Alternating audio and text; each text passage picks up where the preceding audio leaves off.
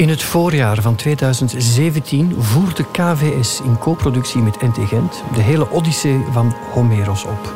Meer dan 12.000 verzen. U hoort het goed, in een gloednieuwe vertaling van Patrick Lateur. Gebracht door 30 acteurs. Goed voor meer dan 26 uur theater. De voorstelling ging in première in KVS in Brussel en was te zien daarna in Groningen, Rotterdam, Antwerpen en Gent. Het epische verhaal, dat bijna 3000 jaar oud is, werd voor het eerst volledig opgevoerd in het Nederlands.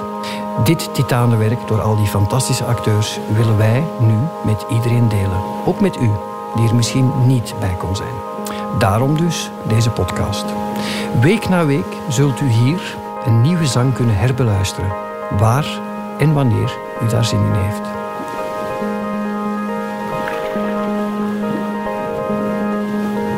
Zang 19, Euryclea. Leugen en waarheid. Het zou een ondertitel voor de Odyssee kunnen zijn. En in haast geen enkele zang komt dat zo tot uiting, dat thema, als in deze. En misschien is dat net omdat de leugen in deze zang verre van vrijblijvend is, maar tussen de twee geliefden. Odysseus en Penelope. Odysseus die zich onherkenbaar heeft gemaakt voor Penelope. Maar misschien, goed luisteren naar deze zang, weet zij wel beter. Alleszins opnieuw een herkenningsscène, want voedster Euryclea herkent Odysseus aan een litteken op zijn knie. Tot u spreekt Steven van Watermeulen.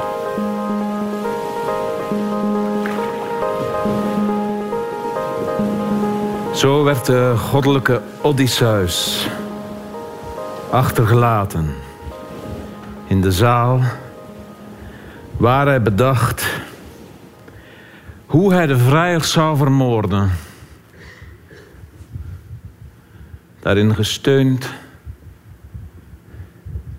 door de godin Athena. Hij uh, sprak snel tot Telemachos en gaf zijn woorden vleugels. Kom Telemachos, wij moeten al het krijgstuig wegleggen in huis. Echt alles. Als de vrijers daarna de wapens missen, er jou naar vragen, bepraat hen dan. Spreek hen innemend aan. Oh ja, ik heb, uh, ik heb ze uit de rook gehaald. Ze lijken niet meer op de wapens meer die Odysseus bij zijn vertrek naar Troje achterliet. Uh, ze zijn bevuild, tot waar de rook van vuur kwam. Daarbij gaf mij godheid dit nog in, een grote vrees... dat jullie onderling uh, soms ruzie krijgen. Door de wijn verhit elkaar verwonden.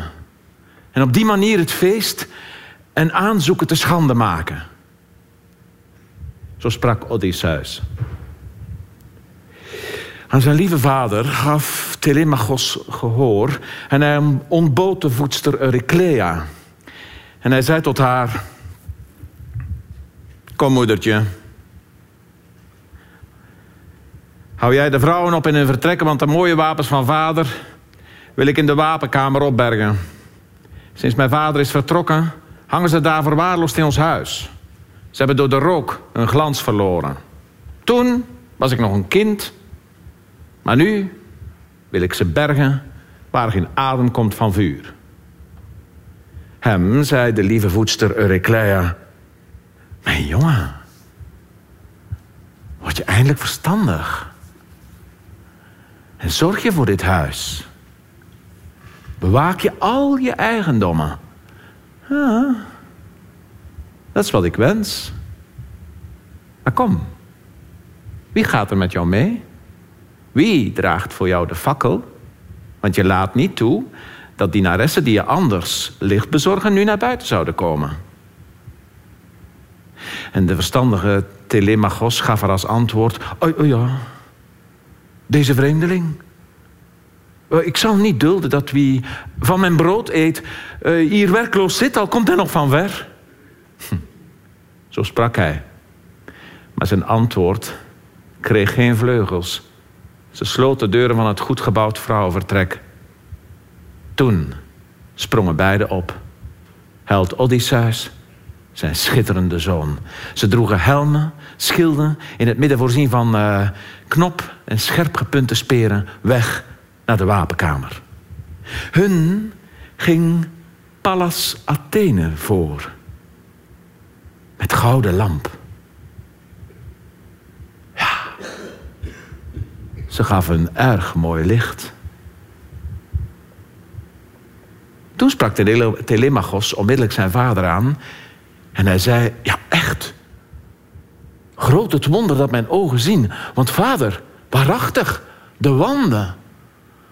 Mooie dwarsbalken, dennenhouten dakgebinten en zuilen die hoog reizen. Die glanzen mij vol in het oog, als van een laaiend vuur. Hier is beslist een God aanwezig. Een van hen die huizen in de wijde hemel. En Odysseus de schrander gaf hem als antwoord... Zwijg. Hou je gedachten nu voor je. En stel geen vragen. Ja, zo doen de goden die op de Olympos huizen. Vooruit, ga slapen. Ik blijf hier nog wachten. Ja, ik blijf hier nog wachten. Ik moet de dienaresse en jouw moeder nog verder prikkelen. In haar verdriet zal ze me steeds van alles willen vragen. Zo sprak hij. En Telemachos verliet de zaal. En in het licht van felle fakkels ging hij zijn kamer in, waar hij gewoonlijk sliep als de zoete slaap hem overviel. Hij legde zich ook daar nu neer. Hij sliep en wachtte op de goddelijke eeuws. Zo werd de goddelijke Odysseus achtergelaten in de zaal waar hij bedacht hoe hij de vrijers zou vermoorden, daarin gesteund door de godin Athena. En de verstandige Penelope kwam uit haar kamer, leek op Artemis of gouden Afrodite. Bij het vuur werd daar een leunstoel neergezet waarin ze meestal zat. En die was ingelegd met krullijnen van zilver en ivoor. De schrijnwerker Ikmalios had ooit die stoel voor haar gemaakt. Met een voetenbankje onderin, stevig aan de stoel vast. Eroverheen een grote schapenwacht. En de verstandige Penelope zette zich daar toen neer. De dienaressen met blanke armen kwamen uit hun zaal. Ze ruimden eerst de resten op van de spijzen, de tafels en de bekers waar de mannen vermetel uit gedronken hadden. Vuur werd uit de bekkers op de grond geworpen. In overvloed werd op die bekkers hout gestapeld voor verlichting en verwarming. Melanto sprak toen andermaal tot Odysseus, vol hoon. Jij, vreemdeling, zal jij ons u ook nu nog tot last zijn in de nacht? Hang maar rond in huis. Begluurt de vrouwen. Vooruit, ellendeling, naar buiten. Wees tevreden met je maal. Want anders smijt ik je snel de deur uit. Met wat brandend hout. Maar Odysseus, de schrandere, gaf haar als antwoord. Jij gekke vrouw. Waarom mij zo aanvallen met een toornig hart? Hè? Dat ik smerig ben, gekleed in lompen, te schooien op onder het volk, dat doe ik, ja. Het noodzaak dwingt mij. Het is nu eenmaal het lot van bedelaars en vagebonden. Ook ik bewoonde ooit als gelukkig man een royaal paleis onder de mensen. En vaak gaf ik een zwerver iets, wie hij ook was, in welke nood hij ook maar kwam. Naast talloos vele slaven had ook ik veel andere bezittingen waarmee men in voorspoed leeft en dus vermogend heet. Maar Zeus, de zoon van Kronos, richtte alles te gronden. Want dat wou hij, denk ik, zo. Dus meisje, pas maar op. Dat ook jij straks de schoonheid waarmee jij de dienaresse nu overtreft, niet helemaal verliest. Hm? Je meesteres voelt mogelijk wel afkeer, wordt boos op jou. Of Odysseus, kom thuis. Het lot laat nog steeds toe daarop te hopen. Maar kwam hij om, komt hij niet meer terug, dan is daar door Apollos gunst nog steeds zijn zoon, Telemachos, die even dapper is als hij. En hem ontgaat het niet wanneer er in zijn paleis een van de vrouwen zich onbeheerst gedraagt. Hij is geen kind meer. Die woorden hoorde de verstandige Penelope. En zij wees de dienares terecht. En zij verwoordde wat zij dacht. Jij, trieste, schaamteloze teef. Denk niet dat jouw onhebbelijk gedrag mij is ontgaan. Je zal er met je hoofd voor boeten. Je wist toch goed? Je hoorde het van mij.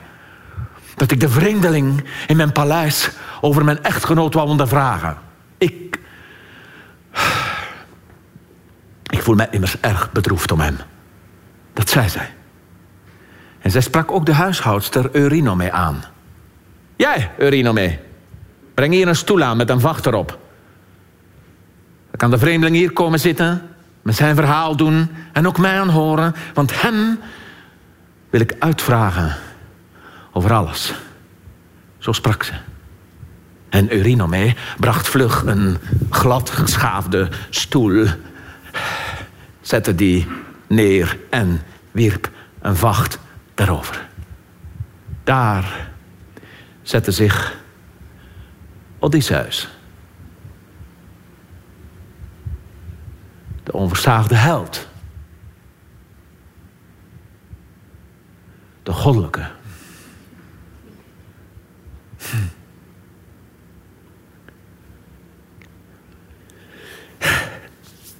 En als eerste sprak toen de verstandige Penelope. Jou, vreemdeling, wil ik voor eerst zelf vragen. Wie ben jij? Waar kom je vandaan? Waar ligt je vaderstad?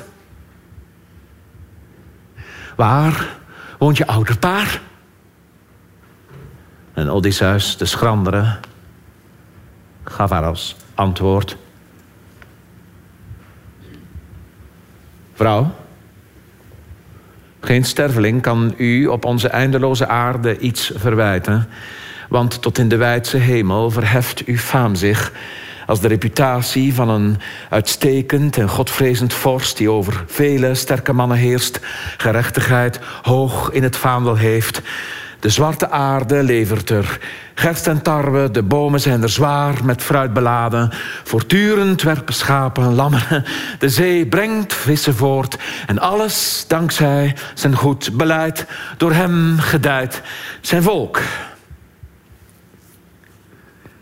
Vraag mij nu in uw paleis de rest, maar vraag niet naar mijn ras en vaderland, want als ik daaraan denk, wordt mijn gemoed met een nog groter pijn gevuld.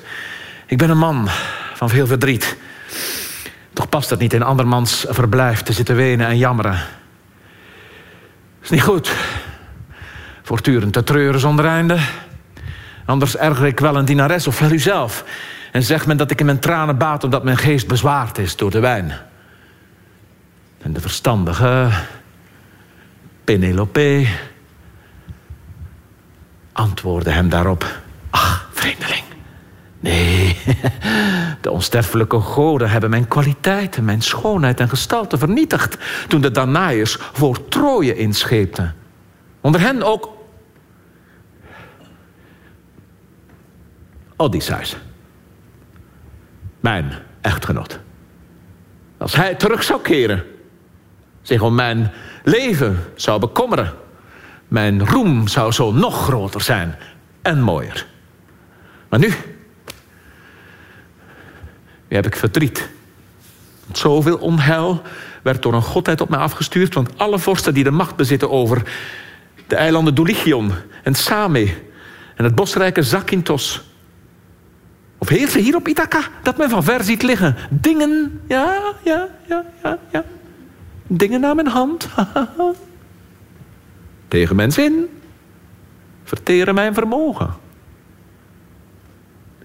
En daarom geef ik niet om vreemdelingen nog bedelaars... en ook niet om herauten die werken voor het algemeen belang. Ik smacht naar mijn geliefde Odysseus. Mijn hart kwijnt weg. Ja, wat de vrijers dringen aan op trouwen. Ik verzin dus een reeks listen. Eerst ja, werd me door een godheid het idee van binnen ingeblazen voor een, ja, voor een lijkkleed. Ik plaatste in mijn kamer een enorm getouw en weefde daar een buitenmatig fijn kleed. En kort daarop sprak ik tot hen, aanbidders van me, jullie, jonge mannen. De goddelijke Odysseus is dood. Maar jullie zullen toch nog even moeten wachten. Of schoon je uitkijkt naar mijn huwelijk, totdat dit lijkkleed voor de held Laertes is voltooid. Want ik wil niet dat mijn spinwerk zo nutteloos verloren gaat. Ik maak het voor de dag dat hij meedogenloos wordt neergehaald door het funeste doodslot. Ik vrees dat een der vrouwen van Achaia het mij verwijten zou als hij, die veel bezit verwierf, daar zonder lijkwaal lag. Zo sprak ik. En hun trotse hart gaf toe. Bij dag bleef ik toen aan het groot getouw maar weven. S'nachts ontrafelde ik het kleed. Waarvoor ik uh, fakkels had naast mij. Zo werden de Achaiers met mijn list drie jaren lang verschalkt en overpraat. Oh, de jaargetijden gleden voort. De maanden verstreken. Vele dagen liepen af. Het vierde jaar brak aan. Toen, met hulp van dienaressen, schaamteloze teven, de vrijers bij me kwamen en mij betrapten. En mij luidkeels bedreigingen toeriepen. Met tegenzin, door dwang. Is het voltooid. Een huwelijk kan ik nu niet meer ontlopen. Een ander schrander plan vind ik niet meer. Mijn ouders sporen me fel aan te trouwen. Geërgerd is mijn zoon over het volk dat zijn bezit verbrast. Want hij doorziet ze. Hij is een man nu. Bekwaam om zorg te dragen voor dit huis. Zuis gaf het luister. Maar goed, wat er ook van zij. Vertel mij maar. Uit welke slacht jij stamt, want... Uh, jij ontsproot niet aan een eik of steen uit een legende.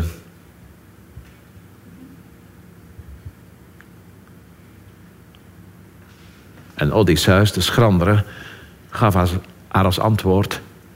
Goede vrouw van Odysseus, Laertes zoon... houdt u dan echt niet op met vragen naar mijn afkomst? Wel, ik zal u haar vertellen. Maar zo levert u mij over... en nog meer verdriet dan mij nu al bevangt. Zo gaat het met een man als ik... die zo lang van zijn vaderland verwijderd bleef... als zwerveling veel steden van stervelingen zag... veel lijden kende. Toch zal ik u vertellen wat u vraagt en zoekt. Er is omstroomd door de wijnrode zee een land dat Kreta heet. Heel mooi en rijk. Veel mensen wonen er.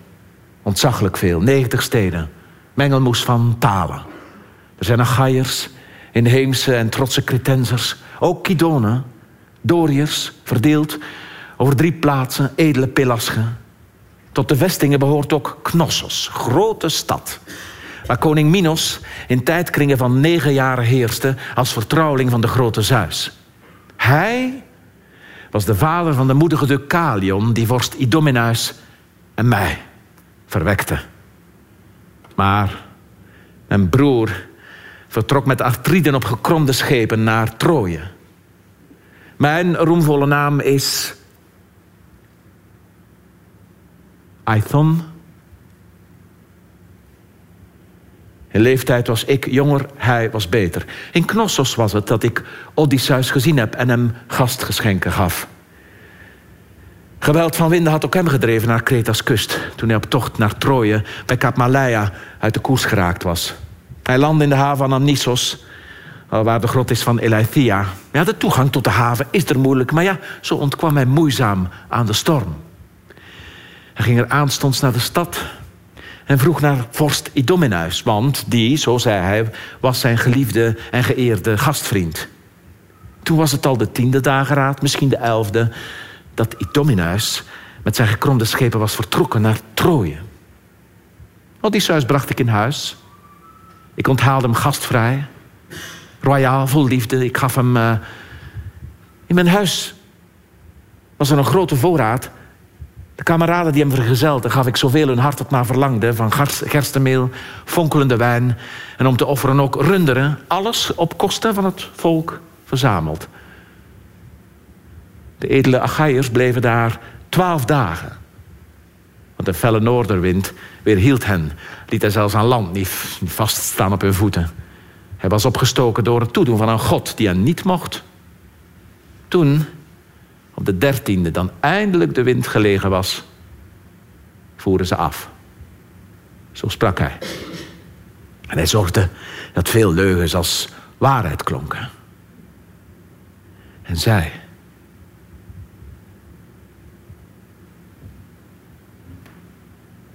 zij luisterde. Haar tranen rolden. Haar gelaat smolt weg.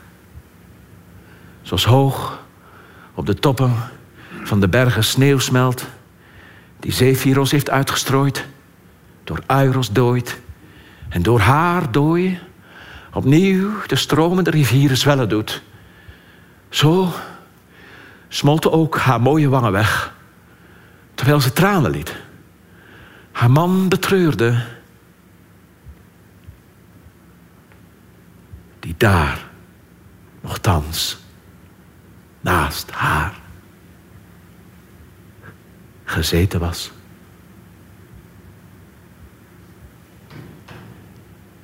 Kreeg Odysseus nu in zijn binnenste wel deernis met zijn jammerende vrouw. Tussen de oogleden stonden zijn ogen toch strak. Als waren ze van hoorn of ijzer. Zijn tranen bleven met een list verbergen. Toen zij genoeg geweend had, gejammerd, sprak zij opnieuw tot hem met deze woorden. Nu vind ik, vreemdeling, jou op de proef te moeten stellen. Of je in jouw huis mijn echtgenoot, zijn goddelijke makkers, echt, naar je zegt, gastvrij ontvangen hebt. Nou, dat wil ik weten. Zeg me, Welke kleren had hij toen aan? Hoe zag hij zelf eruit? Vertelde van de makkers die hem volgden. En Odysseus, de schrandere, gaf haar als antwoord... vrouw, het is niet makkelijk iemand die al zo lang afwezig is te schetsen. Het is al twintig jaar geleden dat hij daar vertrok. Dat hij mijn vaderland verliet. Maar toch zal ik u zeggen hoe hij mij nog voor de geest staat. De goddelijke Odysseus droeg toen een wollen mantel purperkleurig. Dubbel gevouwen, met een gouden speld. Die had als sluitingen twee gleuven. En van boven mooi drijfwerk. Tussen zijn voorpoten hield een jachthond een gevlekte hinde vast. Hij staarde naar het dier dat spartelde. En iedereen zag vol bewondering al was toch elke speld in goud gedreven, hoe star de hond bleef staren naar de hinde, haar wurgde en het ander met zijn poten als spartelend probeerde te ontkomen. Ik zag de giton glanzen om zijn lichaam, zoals de schil van een gedroogde ui.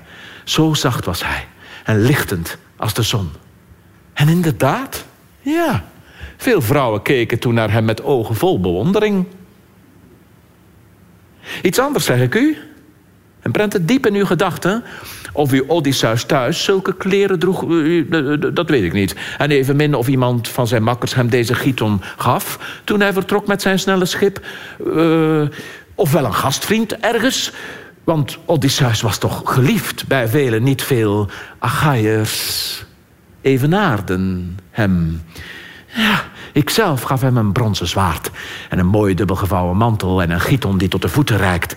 En vol respect geleidde ik hem naar zijn schip voorzien van goede roeibanken. Hem verzegelde nog een heraut die weinig ouder was. Ook hem zal ik, zoals hij was, beschrijven. Gebogen schouders, gebruind gelaat, met krullend haar, Eurybates genaamd. Nog meer dan al zijn kameraden werd hij door Odysseus geëerd als eensgezinde. Zo sprak hij. En bij haar riep hij nog meer de drang op om te jammeren.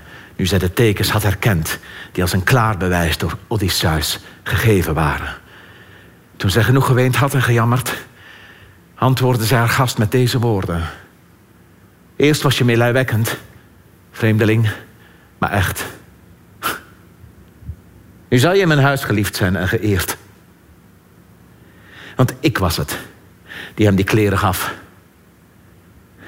Waarvan jij spreekt. Ik nam ze uit mijn kamer, vouwde ze en legde er ook de schitterende speld bij. Pronkstuk voor hem. Maar hem zal ik niet meer opnieuw verwelkomen wanneer hij huiswaarts keert terug naar zijn geliefde vaderland. Ach, vreet het lot dat Odysseus deed weggaan op zijn holschip op zoek naar Troje, stad van ongeluk. Met walgelijke naam. En Odysseus, de schrandere, zei haar, geëerde vrouw van Odysseus de zoon, kom, ontsier uw mooi gelaat nu niet. Laat door gejammer om uw man uw hart niet kwijnen. Kwalijk nemen kan ik u dat geenszins. Wie haar legitieme man verloor, met wie ze liefdevol verenigd een kroost ter wereld bracht, ja, treurt om hem. Al is hij niet zo groot als Odysseus, die naar men zegt gelijk is aan de goden. Kom. Hou nu op met jammeren. En luister naar wat ik u vertel. Want ik verhaal het zoals het is. Ik zal u niets verbergen van wat ik laat vernam van Odysseus.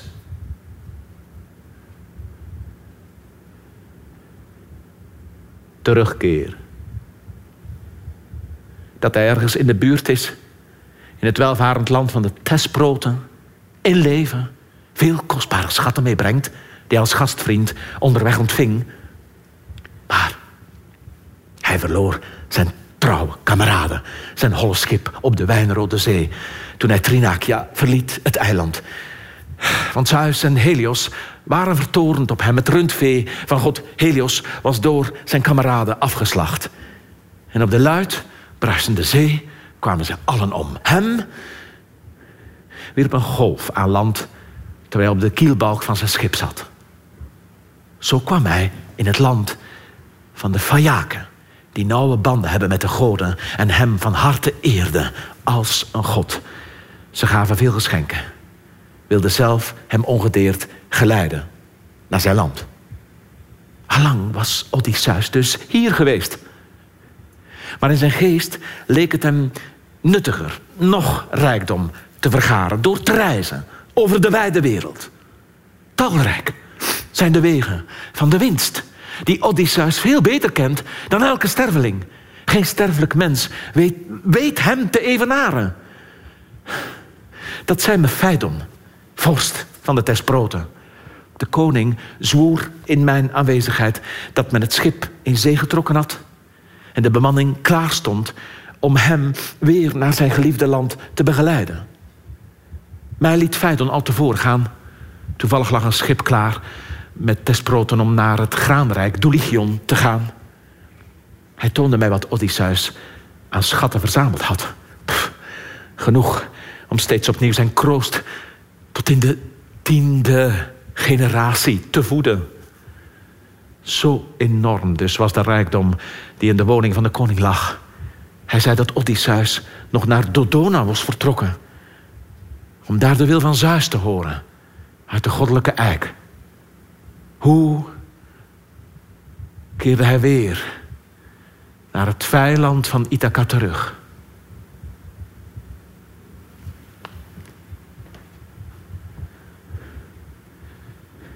Deed hij het openlijk? Of heimelijk? Hij is dus veilig. Weldra komt hij aan. Hij is nu heel dichtbij. Ah, hij blijft niet lang meer ver van zijn vrienden en zijn vadergrond verwijderd. Kijk, ik zweer u deze eed. Getuige Zeus, het eerst van alle goden... en ook deze gastentafel... en de haard van de voortreffelijke Odysseus waaraan ik ben beland... alles zal zich vol, voorwaar voltrekken zoals ik het zeg. Nog deze maand komt Odysseus hier weer. Als deze maan afneemt, de nieuwe wast. Hem antwoordde de zeer verstandige vorstin Penelope.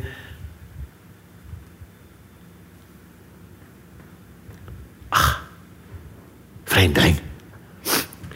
Mocht je verklaring echt bewaarheid worden, van mij krijg je dan snel gastvrijheid, veel cadeaus. Wie jou ontmoet, prijst jou gelukkig. Maar in mijn hart heb ik een voorgevoel hoe het zal lopen.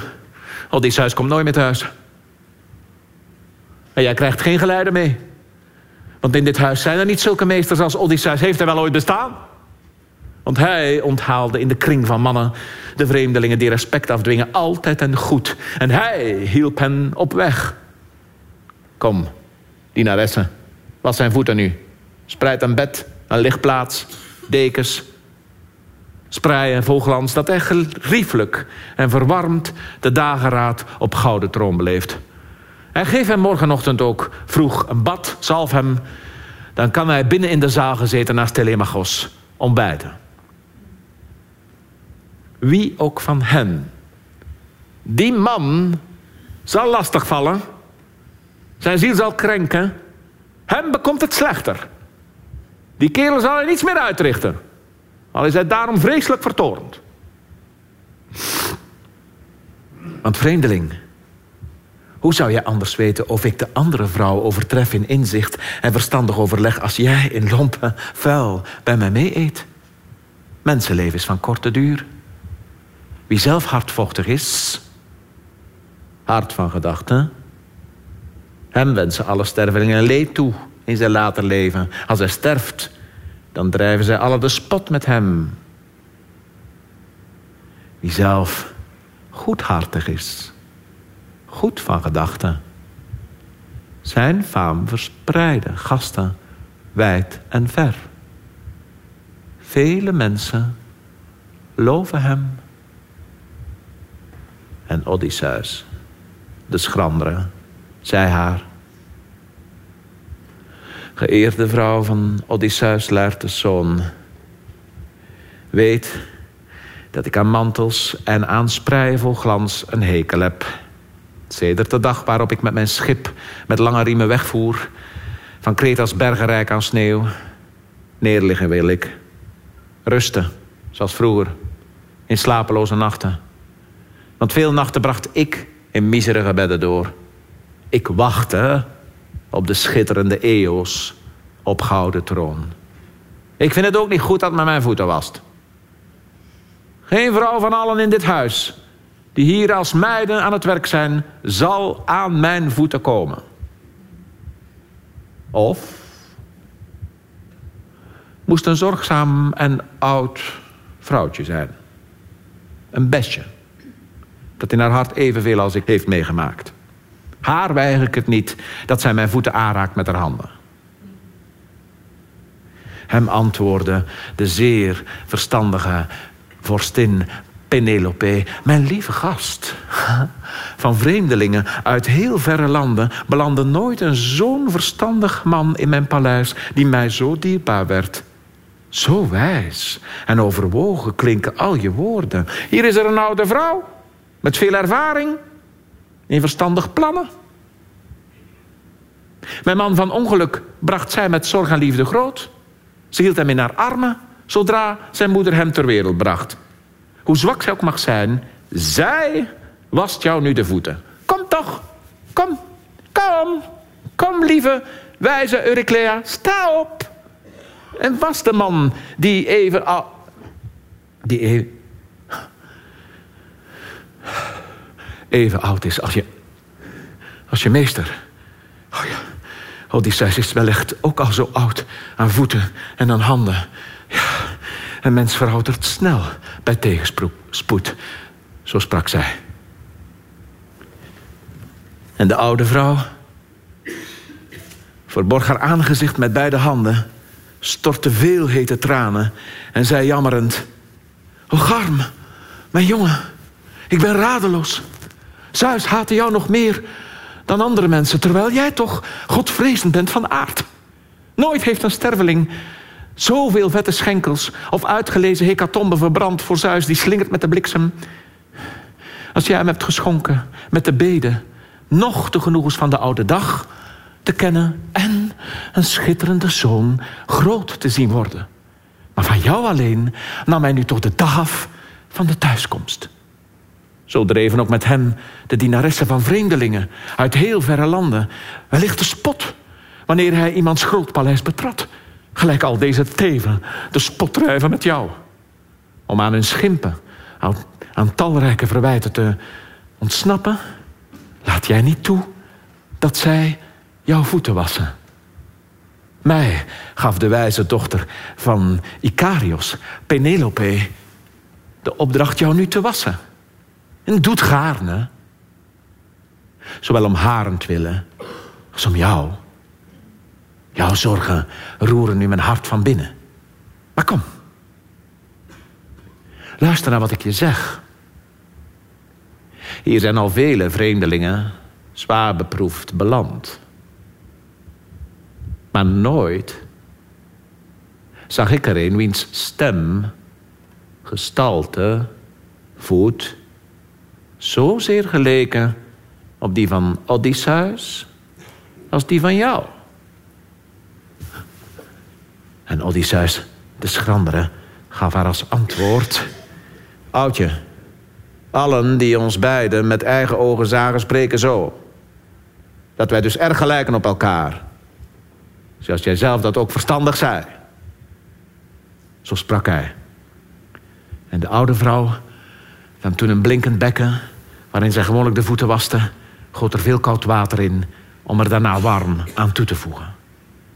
Maar Odysseus, die bij het haardvuur zat, keerde zich aanstonds naar het duister af. Niet zonder angst, bedacht hij. Dadelijk. Dat zij. Het litteken herkennen zou. Als zij hem vastnam. En de zaak bekend zou raken. Zij kwam naderbij waste haar meester, zag, er stond het litteken dat ooit een zwijn met witte tand hem toebracht toen Odysseus naar de Parnassos trok.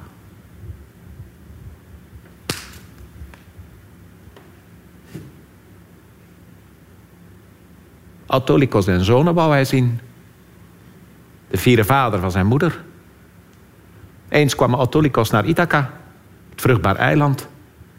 Trof pasgeboren klein kind aan van zijn dochter. Euryclea heeft na het avondeten op zijn knieën het zoontje neergelegd en zij sprak als volgt: Autolycos, bedenk een naam die u zou geven aan het lieve kind van uw kind. Maar u heeft toch vurig naar dit kind verlangd? Haar antwoordde Autolycos: mijn schoonzoon en mijn dochter geven jullie het kind de naam die ik nu uit zal spreken. Ik ben hierheen gekomen, op veel mensen vertorend, zowel op mannen als op vrouwen, in deze wereld die zo vele voedt. Daarom de naam waarmee het kind genoemd wordt, zij Odysseus. Dat is die toornig is. En komt hij ooit als volwassen man naar de Parnassos, naar het groot paleis van zijn familie aan zijn moeders kant, waar mijn bezittingen te vinden zijn, dan zal ik hem daarvan zijn aandeel geven en laat ik hem vol vreugde huiswaarts keren. Daarom ging Odysseus daarheen. Hem moest de vorst de schitterende gaven schenken. Met vriendelijke woorden en een handdruk werd hij verwelkomd door Autolycos en door zijn zoons. Amphithea, grootmoeder van moederszijde, nam hem in haar armen, zoende zijn hoofd, zijn twee mooie ogen. Autolycus beval zijn vier zonen een maaltijd te bereiden. Dat bevel volgde zij op. Zij leidde dadelijk een vijf jaar oude stier voor en vol ijver begonnen zij het offerdier te villen en legden het volledig open. Vaardig van handen sneed men het in vele stukken, stak die aan het spit om ze zorgvuldig te braden. Toen verdeelde men de porties. Zo zaten zij de hele verdere dag te nuttigen, totdat de zon verdween en niemand miste bij dat maal zijn deel. Zon ging onder, schemer viel, ze rusten genoten van de gave van de slaap. Zodra de dageraad met roze vingers vroeg in de morgen oprees, trokken zij op jacht. De zonen van Autolycos met al hun honden en in hun gezelschap was ook de goddelijke Odysseus. Zo dan bestegen zij de steile berg bedekt met wouden, de Parnassos. Weldra bereikten zij de winderige kloven. Opprijzend uit de kalme Okeanos wierp Helios haar eerste stralen op het akkerland zodra de jagers in een bergkloof kwamen. Voor hen liepen de honden, snuffelend naar sporen, en erachteraan de zonen van Autolycos. En in hun gezelschap was ook de goddelijke Odysseus, vlak na de honden, zwaaiend met de lans, met lange schaduw. Er lag in zijn leger, dat dichtgegroeid was, een groot everzwijn. Daar woei geen sterke bries van regenwouden. Schitterende zon wierp er haar stralen nooit. Regenbuien drongen er niet door, zo dichtgegroeid. En afgevallen lover was daar in grote overvloed te vinden. De ever hoorde het lawaai van voeten van jagers en van honden in het rond, terwijl die verder trokken in hun jacht. Het beest schoot toen tevoorschijn uit zijn leger. De nekborstels stonden hoog overeind. En uit zijn ogen vlamde vuur. Zo bleef de ever stilstaan. Vlak voor hen.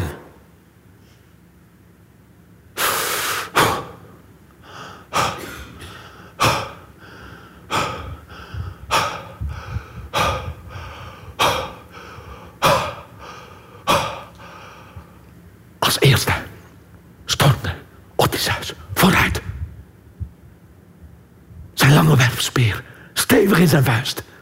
En vurig zijn verlangen toe te stoten. De ever was hem evenwel te vlug af. Sprong opzij, trof Odysseus boven de knie. En boorde met zijn slagtand diep in het vlees. Doch, zonder dat het zwijn het bot van Odysseus te raken wist. Maar met een rake stoot trof Odysseus het in de rechterschouder. Dwars erdoor boorde de schitterende speerpunt zich. Het zwijn viel kermend in het stof. Zijn leven vloot weg. Autolycos geliefde zonen bewerkten het kadaver van het beest... en zij verbonden kundig ook de wonden van de voortreffelijke Odysseus. De goddelijke held. Met een bezwerend lied stelten zij het donker bloed en brachten hem aanstonds naar hun vaders huis terug. Autolycos, ook zijn vrouw, verpleegden hem zorgvol, gaven prachtige geschenken en liet hem met blij gemoed al snel naar zijn geliefde vadergrond terugkeren naar Ithaca. Blij met zijn thuiskomst waren zijn vader en zijn moeder. Eerbiedwaardig, ze vroegen hem naar alles. Ook hoe hij het litteken opliep.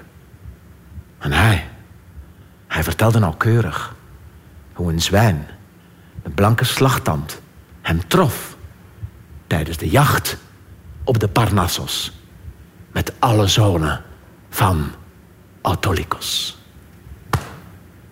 Dat litteken herkende Eurycleia meteen toen zij hem met beide handpalmen had vastgenomen en zij het been had betast.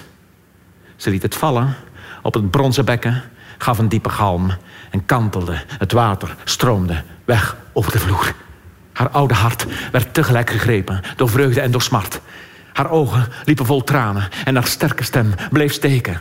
Ze nam de kin van Odysseus en sprak... Natuurlijk, jij bent het, Odysseus, mijn lief kind... dat ik je niet herkende zonder jou, mijn meester, overal betast te hebben. Zo sprak zij. En haar ogen zochten toen Penelope, Ze wou te kennen geven dat haar geliefde echtgenoot in huis was. Doch zij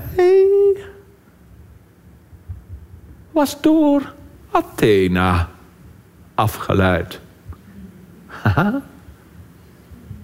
Ze kon haar blik niet kruisen, noch haar wenk zien. Maar Odysseus greep tastend met zijn rechterhaar bij de keel en met zijn linkerhand trok hij haar dichter naar zich toe en hij zei: Ach, moedertje, waarom wil je mijn val?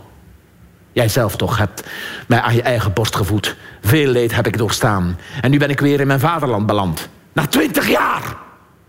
Nu jij dat hebt ontdekt, een God gaf het jou in, verzwijg maar. Laat niemand anders in dit huis het weten.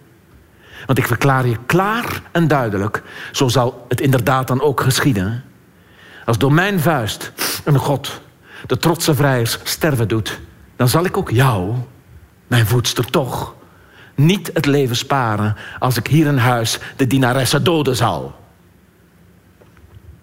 De wijze Euryclea gaf hem als antwoord: Welk woord ontsnapt er aan je haag van tanden, mijn kind? Hoe koppig, onverzettelijk ik kan zijn, dat weet je toch? Als harde steen of ijzer zal ik zijn. Iets anders zeg ik jou en prent het diep in jouw gedachten. Als door jouw geweld een God de trotse vrij sterven doet, voorwaar, dan noem ik jou de namen op van vrouwen die in jouw paleis je eer hebben beklad. Ofwel onschuldig zijn. En Odysseus, de schrandere, gaf haar als antwoord: Moedertje, waarom zou jij die namen moeten noemen? Dat is echt niet nodig. Ik zal het zelf wel goed bekijken. Ieder van hen leer ik wel kennen. Had plan geheim. En laat de rest maar aan de goden. Zo sprak hij. En de oude vrouw verliet de zaal. Ging water halen voor een voetbad. Het eerste was volledig weggevloeid. Toen zij zijn voeten had gewassen, ze gezalfd met olie van olijven, glanzend, verdraaide Odysseus zijn stoel opnieuw wat dichter naar het vuur om zich te warmen. Het litteken verborg hij met zijn lompen. En de verstandige Penelope nam hun gesprek weer op. Ach, vreemdeling. Nu wil ik jou een kleinigheid nog vragen. Ja, straks is het tijd voor rust die ons verkwikt. Althans, voor wie zich door een zoete slaap laat overmeesteren, ondanks de zorgen. Mij gaf van God onmetelijk verdriet. Want overdag laaf ik mij aan gejammer en weeklacht... als ik naar mijn eigen werk in huis kijk en dat van mijn dienaressen. En komt de nacht, zijn allen overmand door slaap... dan lig ik klagend op het bed... onrustig door de vele felle zorgen die zich verdringen... rond mijn kloppend hart. Zoals de dochter van Pandarios, de nachtegaal... verdoken in het lover mooi zingt.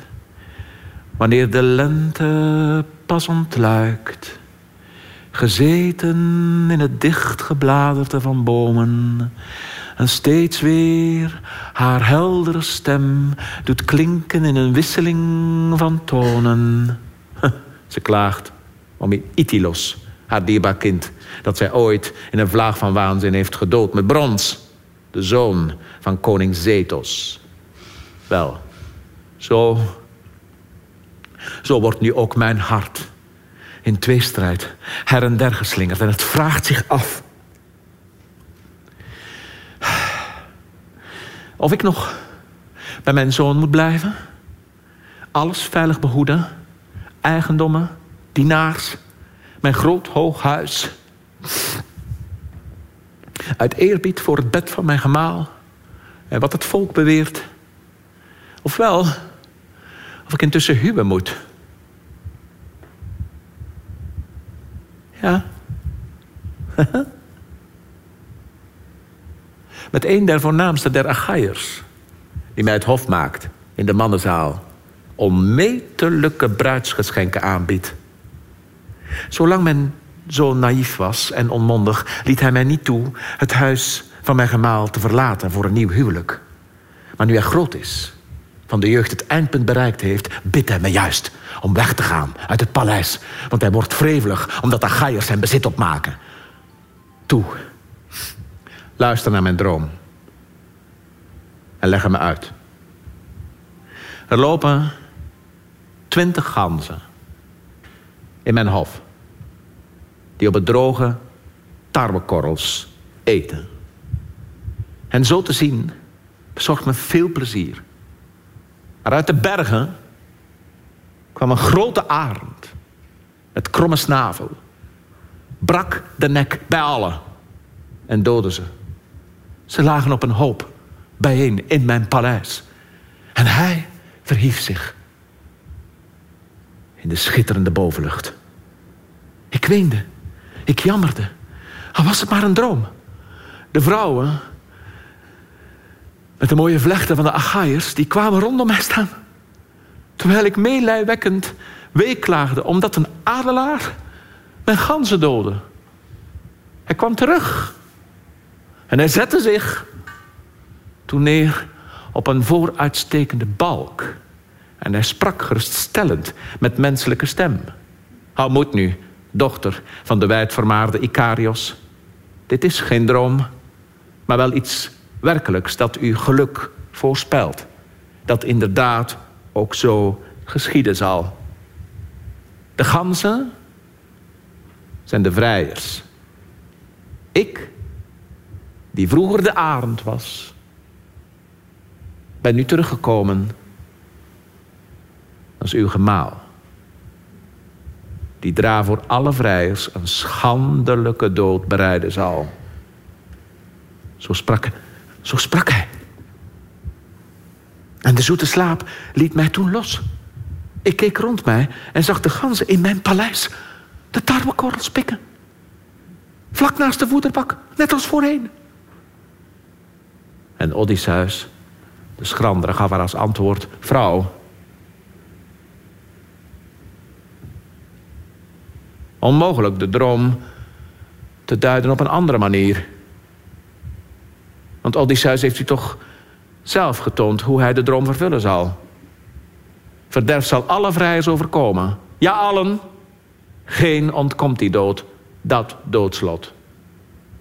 Hem antwoordde de zeer verstandige vorstin Penelope. Ach, vreemdeling, weet dat dromen vaag zijn en verwarrend. Niet elke droom wordt voor een mens vervuld.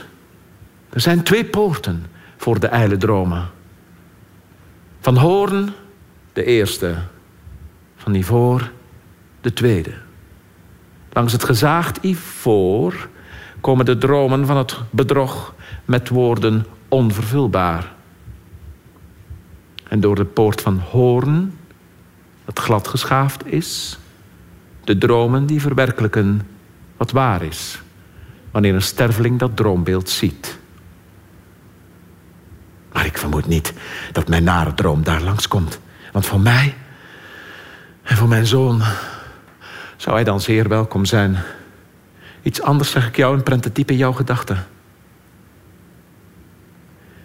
Dra komt de dageraad voor mij onzalig, die mij verdrijft uit Odysseus paleis. Want nu richt ik een wedstrijd in. Een kamp met bijlen, die mijn man zelf hier in huis placht op een rij te zetten. Samen twaalf, als stutten bij het bouwen van een kiel. Vanaf een grote afstand schoot hij steeds een pijl er dwars doorheen. Dus voor de vrijers stel ik nu deze kamp in. Wie van hen het makkelijkst de boog spant met zijn handen, door alle twaalfde bijlen ook een pijl schiet, die zal ik volgen als zijn echtgenote. En ik verlaat dit huis, dat ik betrad als bruid. Een erg mooi huis, gevuld met rijkdom. Ik denk dat ik me dit paleis steeds herinneren zal, al was het in mijn dromen. En Odysseus, de schrandere, gaf haar als antwoord... Goede vrouw van Odysseus, de zoon, stel in uw huis die kamp niet langer uit. Want Odysseus komt hier, nog voor er iemand met de gladgeschaafde boog in de handen er een pees op spant om dan een pijl te schieten door het ijzer.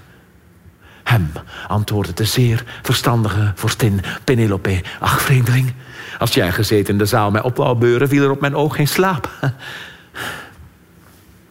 Maar altijd slapeloos zijn kan geen mens. Onsterfelijke gaven de stervelingen een vast moment. Voor alles wat op aarde de schenkster van het graan gebeuren moet. Alvast ga ik nu naar mijn kamer. Boven. En ik leg me daar te slapen. Het is voor mij een plaats van jammeren, voor truren, nat van tranen.